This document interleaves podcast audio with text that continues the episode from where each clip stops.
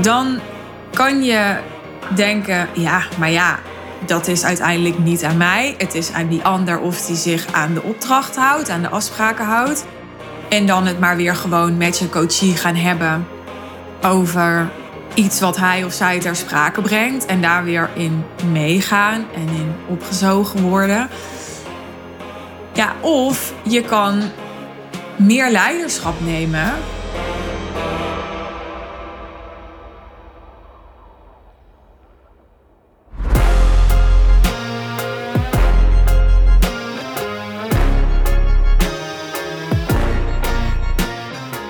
Wat als je een klant hebt die niet zo heel erg coachable is? Althans, door jouw bril. Want dat blijft natuurlijk altijd een uh, subjectief iets. Of iemand, uh, of iemand open staat voor jouw coaching, voor jouw vragen, voor jouw ideeën. Het is een vraagstuk die misschien niet direct met ondernemen te maken heeft, maar meer met het coachvak. En toch ook weer niet. Want het een staat niet los van het ander. De twee zijn direct verbonden aan elkaar als je een coachingsbedrijf hebt. Het is net zoiets als ja, dat je fietsen verkoopt en die fietsen zijn niet goed. Dan kan je zeggen, ja, dat heeft te maken met uh, de, ja, de bouwkunde van die fiets of zo. Maar natuurlijk heeft de kwaliteit van die fiets weer direct invloed op je marketing, op je sales, op je medewerkers. Ja, dus op je hele bedrijfsvoering. Nou, zo is het ook met allerlei strubbelingen die je kunt ervaren in een klantrelatie. Want die hebben bijvoorbeeld impact op jouw energie en daarmee ook op de mate waarin je energie beschikbaar hebt om ja, dat te kunnen doen wat voor jou belangrijk is om te realiseren met je bedrijf of in je leven. Nou, ik ehm, kan waarschijnlijk uren praten over dit vraagstuk, maar ik ga een paar point of views met je delen in deze aflevering. Als ook jij te maken hebt met een klant, af en toe, of misschien in fase. Want het is ook niet zo dat een klant zich gedurende een hele samenwerking hetzelfde gedraagt over het algemeen. Die dus uh, ja, minder of uh, ja, misschien wel nauwelijks open staat voor je coaching. En dat kan ook betekenen dat hij wel zegt dat hij er open voor staat. Of dat ze er open voor staat. Maar je ervaart het niet zo. Iets wat gewoon altijd goed is om te doen, wat mij betreft, is om als coach helemaal eerlijk te zijn. Daar word je voor betaald. Ook al is het ongemakkelijk om iemand te confronteren of om iets te zeggen waarvan je bijvoorbeeld verwacht dat iemand het niet met je eens is of daar aanstoot aan neemt of daar boos over wordt, misschien zelfs verdrietig of uh, in de weerstand gaat. Hè. Misschien denk je, ja, nee, maar als ik dit zeg, dan maak ik het alleen maar erger. Misschien ben je bang om op het negatieve te focussen. Hoe dan ook. Ja, in alle coachervaring die ik in de afgelopen jaren heb opgedaan, word ik er elke keer opnieuw in bevestigd hoe belangrijk het is om zoveel mogelijk eerlijk te zijn er zitten nuances aan. Want soms is het ook goed om dingen even niet te zeggen omdat ze niet helpend zijn of niet dienend. Maar ja, die uitzonderingen die voeren voor deze podcastaflevering wat ver. Begin dus met niet zozeer zeggen, nou, volgens mij ben je helemaal niet coachbaar. Dat is denk ik niet helemaal the way to go. Maar met joh, wat ik waarneem is, en dan probeer je zoveel mogelijk feiten te noemen, dus zoveel mogelijk objectiviteiten te noemen van dingen die je hebt waargenomen, uh, die dus feitelijk zijn gebeurd, dus die niet zijn geïnterpreteerd door jou of zo, die je als onderbouwing gebruikt. Wat ik daarvoor nog zou doen, voordat je die uitspreekt, is kijken wat jij kunt doen om zoveel mogelijk op een plek te zitten zonder oordeel. Dus zonder dat jij bijvoorbeeld er geërgerd over bent dat iemand niet zo coachbaar is of zich niet zo coachable heeft opgesteld. Omdat daarmee al dan niet onbewust de energie van je woorden echt anders kan worden ervaren. Maar vooral ook omdat als je dan toch een verdediging terugkrijgt, bijvoorbeeld, het veel makkelijker is om niet ja, weer terug te gaan aanvallen of weer te gaan verdedigen of in een discussie te komen. En daar wil je uitblijven, want een discussie is echt zonde van de tijd, totaal niet dienend, leidt alleen maar af. En ja, is daarmee ook misleidend, want wekt de indruk dat, het, ja, dat de discussie gaat over of dat nou wel of niet zo is, of iemand nou wel of niet zich coachbaar opstelt en coachable is geweest, terwijl het daar dus niet over gaat. Want het maakt helemaal niet uit of jij daar gelijk in hebt of jouw waarneming klopte. Waar het om gaat is dat jij probeert om een zo objectief mogelijke spiegel te zijn, reflectie te zijn voor je klant. Eerlijk uit te spreken hoe jij die reflectie ervaart. En vervolgens is het aan die klant om ermee te doen wat hij wil. En die mag het altijd met jou oneens zijn. Dus kaart ook niet zoiets aan met als doel dat die ander gaat veranderen. Want dat is niet het doel. Ik bedoel, ook dit ligt weer genuanceerd. Want natuurlijk, om andere resultaten te krijgen voor iemand dan iemand eerder kreeg, zal verandering nodig moeten zijn. Maar het is niet aan jou of die ander daadwerkelijk gaat doen what it takes. Het is aan jou om te benoemen wat jij denkt dat er nodig is dat die ander moet doen. Om iemand te confronteren met bijvoorbeeld afspraken die hij maakte met zichzelf of met jou en niet nakwam. Of met zijn of haar houding, die dus onvoldoende open kan zijn. En ja, te beschermend voor het ego om echt eh, constructief en snel en duurzaam te kunnen transformeren. Maar het zou niet jouw doel moeten zijn om iemand te veranderen. Het zou jouw doel moeten zijn om die ander op de best mogelijke manier te helpen. En dat is om hem alles aan te reiken wat jij denkt dat belangrijk is dat die ander aangereikt krijgt. En wat hij daarmee doet, dat valt dus buiten jouw verantwoordelijkheid. Hoe moeilijk het ook kan zijn als coach om daarnaar te leven en daarnaar te handelen. We weten dit allemaal, maar in het moment vanuit de beste intenties, goede bedoelingen, je betrokkenheid, je begaanheid met je klant. Begaanheid is dat een woord? Weet ik niet.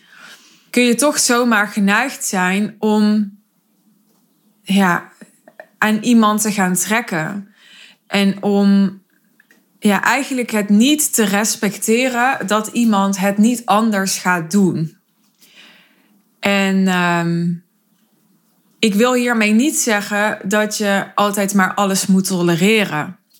Want naast dat je eerlijk mag zijn en dat het het belangrijkste is om dat te zijn zonder dat er van jou iets moet of jij eigenlijk iets nodig hebt van je klant. Want op het moment dat jij het nodig hebt dat jouw klant verandert, zodat jij bijvoorbeeld de erkenning vindt in jezelf dat jij de capaciteiten hebt om je klant te veranderen, ja, dan gaat het dus niet meer om je klant, maar dan gaat het om jou. En dat wil je voorkomen. Tolerantie had ik het over.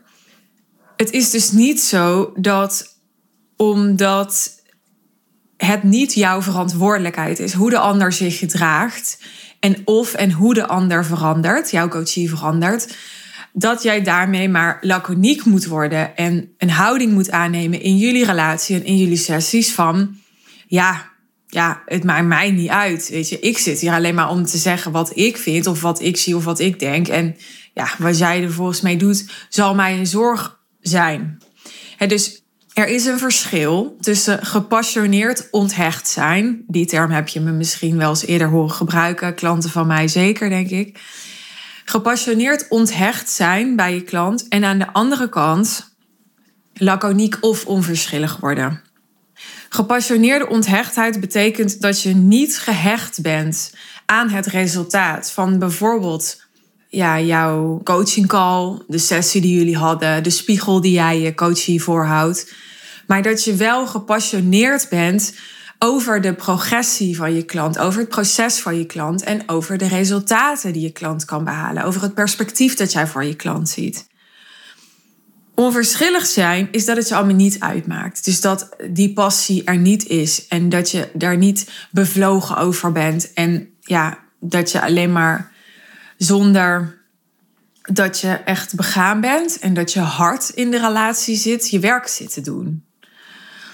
En omdat het soms te pijnlijk kan zijn, ik denk echt dat het daarmee te maken heeft om gepassioneerd te blijven, omdat je zo graag wil dat iemand iets bereikt, succesvol is, dat het lukt wat jullie beoogden. Ja, kan, kan je vanuit je eigen beschermingsmechanisme opeens toch in zo'n onverschilligheid raken in een moment. Je zal niet onverschillig zijn over jullie hele proces en relatie, maar in het moment even. Om niet ja, de, de teleurstelling te hoeven voelen en niet met de teleurstelling of de frustratie of wat je dan ook maar ervaart te hoeven zijn. Nou, daar heb ik andere podcasts over opgenomen. Podcast 323 is een um, interessante voor je als je nu aan het opletten was.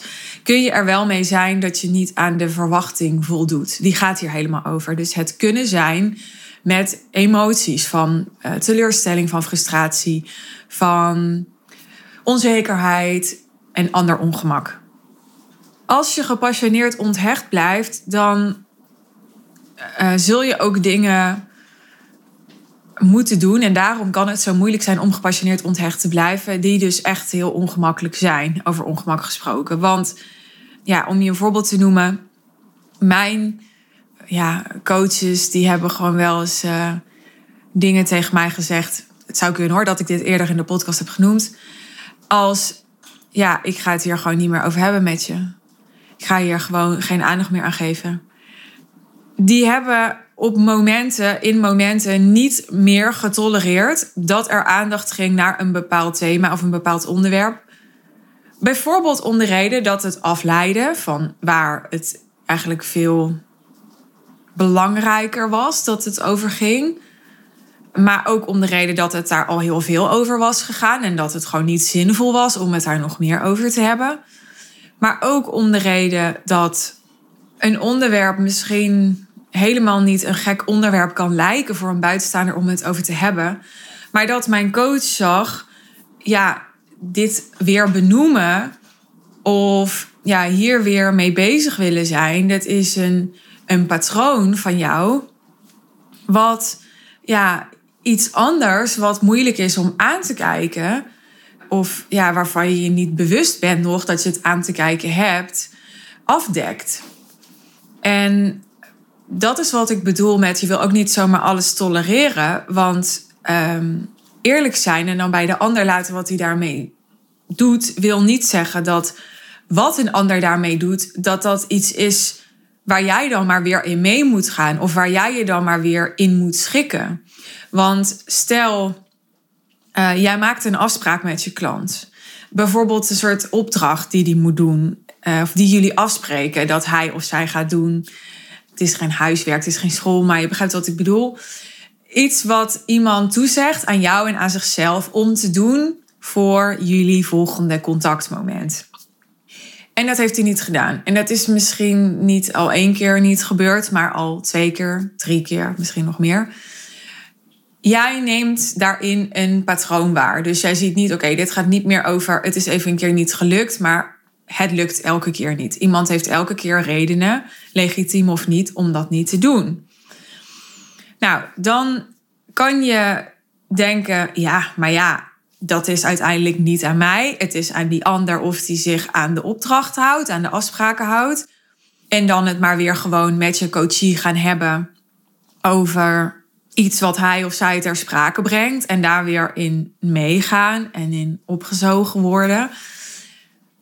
Ja, of je kan meer leiderschap nemen en zeggen: joh, hè, het is niet aan mij om jou als soort kleuterjuf of als je moeder aan te spreken op dingen die je niet doet. Maar het is wel aan mij om de progressie in dit proces mee te waarborgen. En om ervoor te zorgen dat ik op de best mogelijke manier jou begeleid om het resultaat te behalen waarvoor je bij mij investeerde. En de best mogelijke manier is nu niet dat ik met jou tijd en energie ga steken in iets wat op dit moment niet zinvol is, omdat er iets anders moet gebeuren ja, wat veel zinvoller is en wat misschien ook een voorwaarde is om verder te kunnen. En ja, om te beginnen is natuurlijk het feit dat iemand niet in staat is om afspraken na te komen met zichzelf.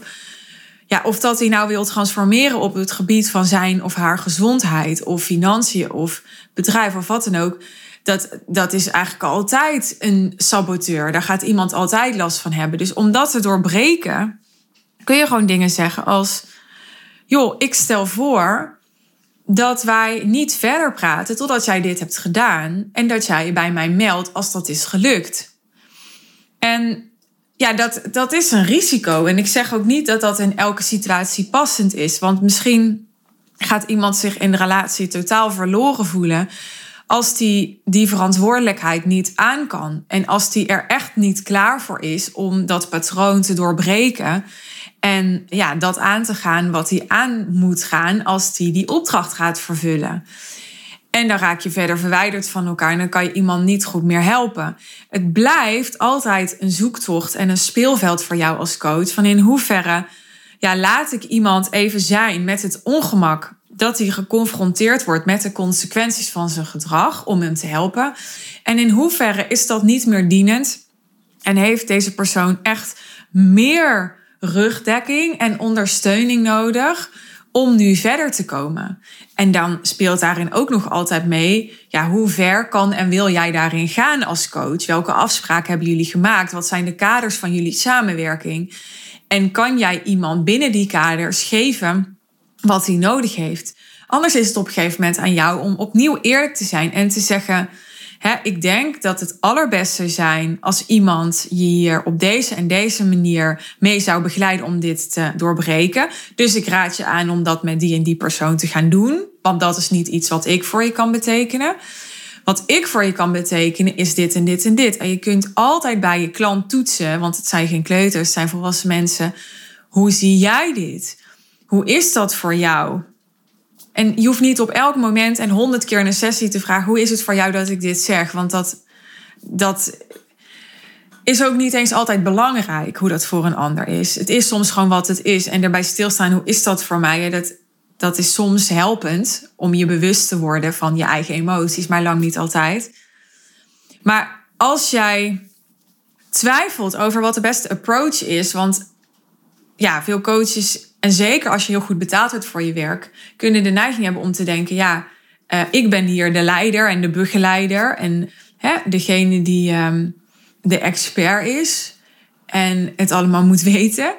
Dus ja, het kan heel spannend zijn om die twijfel te voelen in jezelf. Even niet te weten wat procesmatig nu goed is om te doen. Alleen, ja, ik weet ook van coaches die mij hebben gecoacht, maar ook collega-coaches die ik heb ervaren en ook ja, van mijn eigen werk als coach.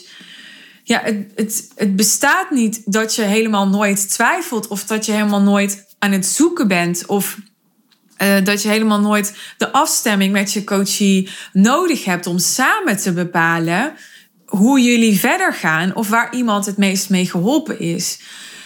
Ik denk als je helemaal nooit die twijfel toestaat in jezelf, ja, dan dan uh, heb je een heel uh, goed werkend beschermingsmechanisme. En ik denk niet dat je daar een betere coach door wordt. Ik denk juist dat die twijfel je een openheid geeft en een nederigheid geeft. Een houding geeft van ik ben God niet, ik ben niet alwetend.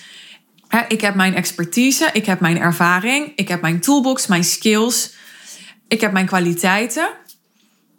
En that's what I bring to the game. En ik ga daarin zo ver mogelijk om een klant zo ver mogelijk te helpen. Uh, maar nogmaals, je bent niet God. En je kunt niet toveren. En ja, coachen is geen wiskunde. Het is niet een formule die je kunt opvolgen.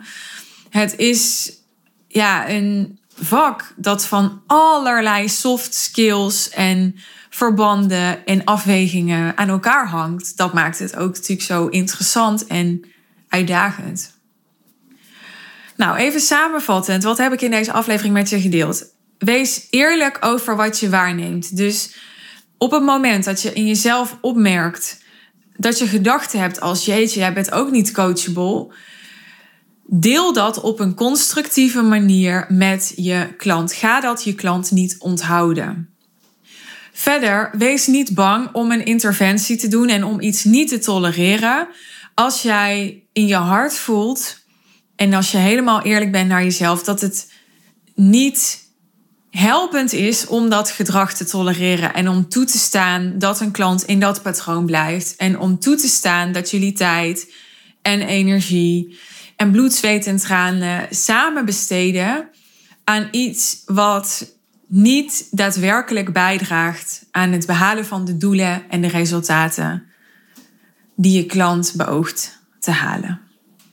Nogmaals, ik kan hier nog veel en veel langer over praten. Er zijn nog veel meer nuances mogelijk, maar deze zijn het belangrijkste. En wat ik ook heb gedeeld, niet te vergeten, ga ik ook nog even herhalen. Voorkom dat jij er een oordeel op hebt dat je klant niet doet wat jij zou willen dat hij doet, of wat jij vindt dat hij zou moeten doen, of ehm, ja, wat jij misschien zelfs nodig hebt dat hij doet. En hoe doe je dat nou? Geen oordeel hebben als je wel een oordeel hebt, want kun je een oordeel dan zomaar wegtoveren, Suus?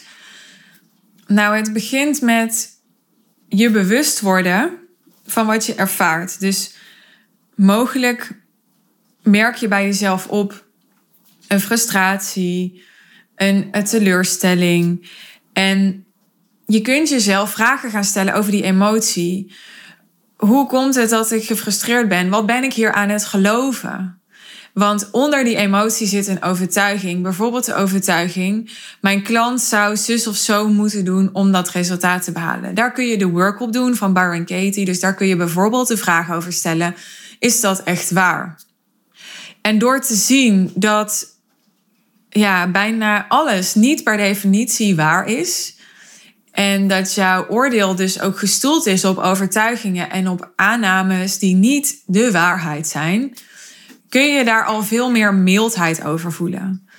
En uh, de vraag is ook of het helemaal moet oplossen, want ik denk niet dat wij mensen moeten zijn die helemaal geen mening meer hebben. Een oordeel is ook een soort mening.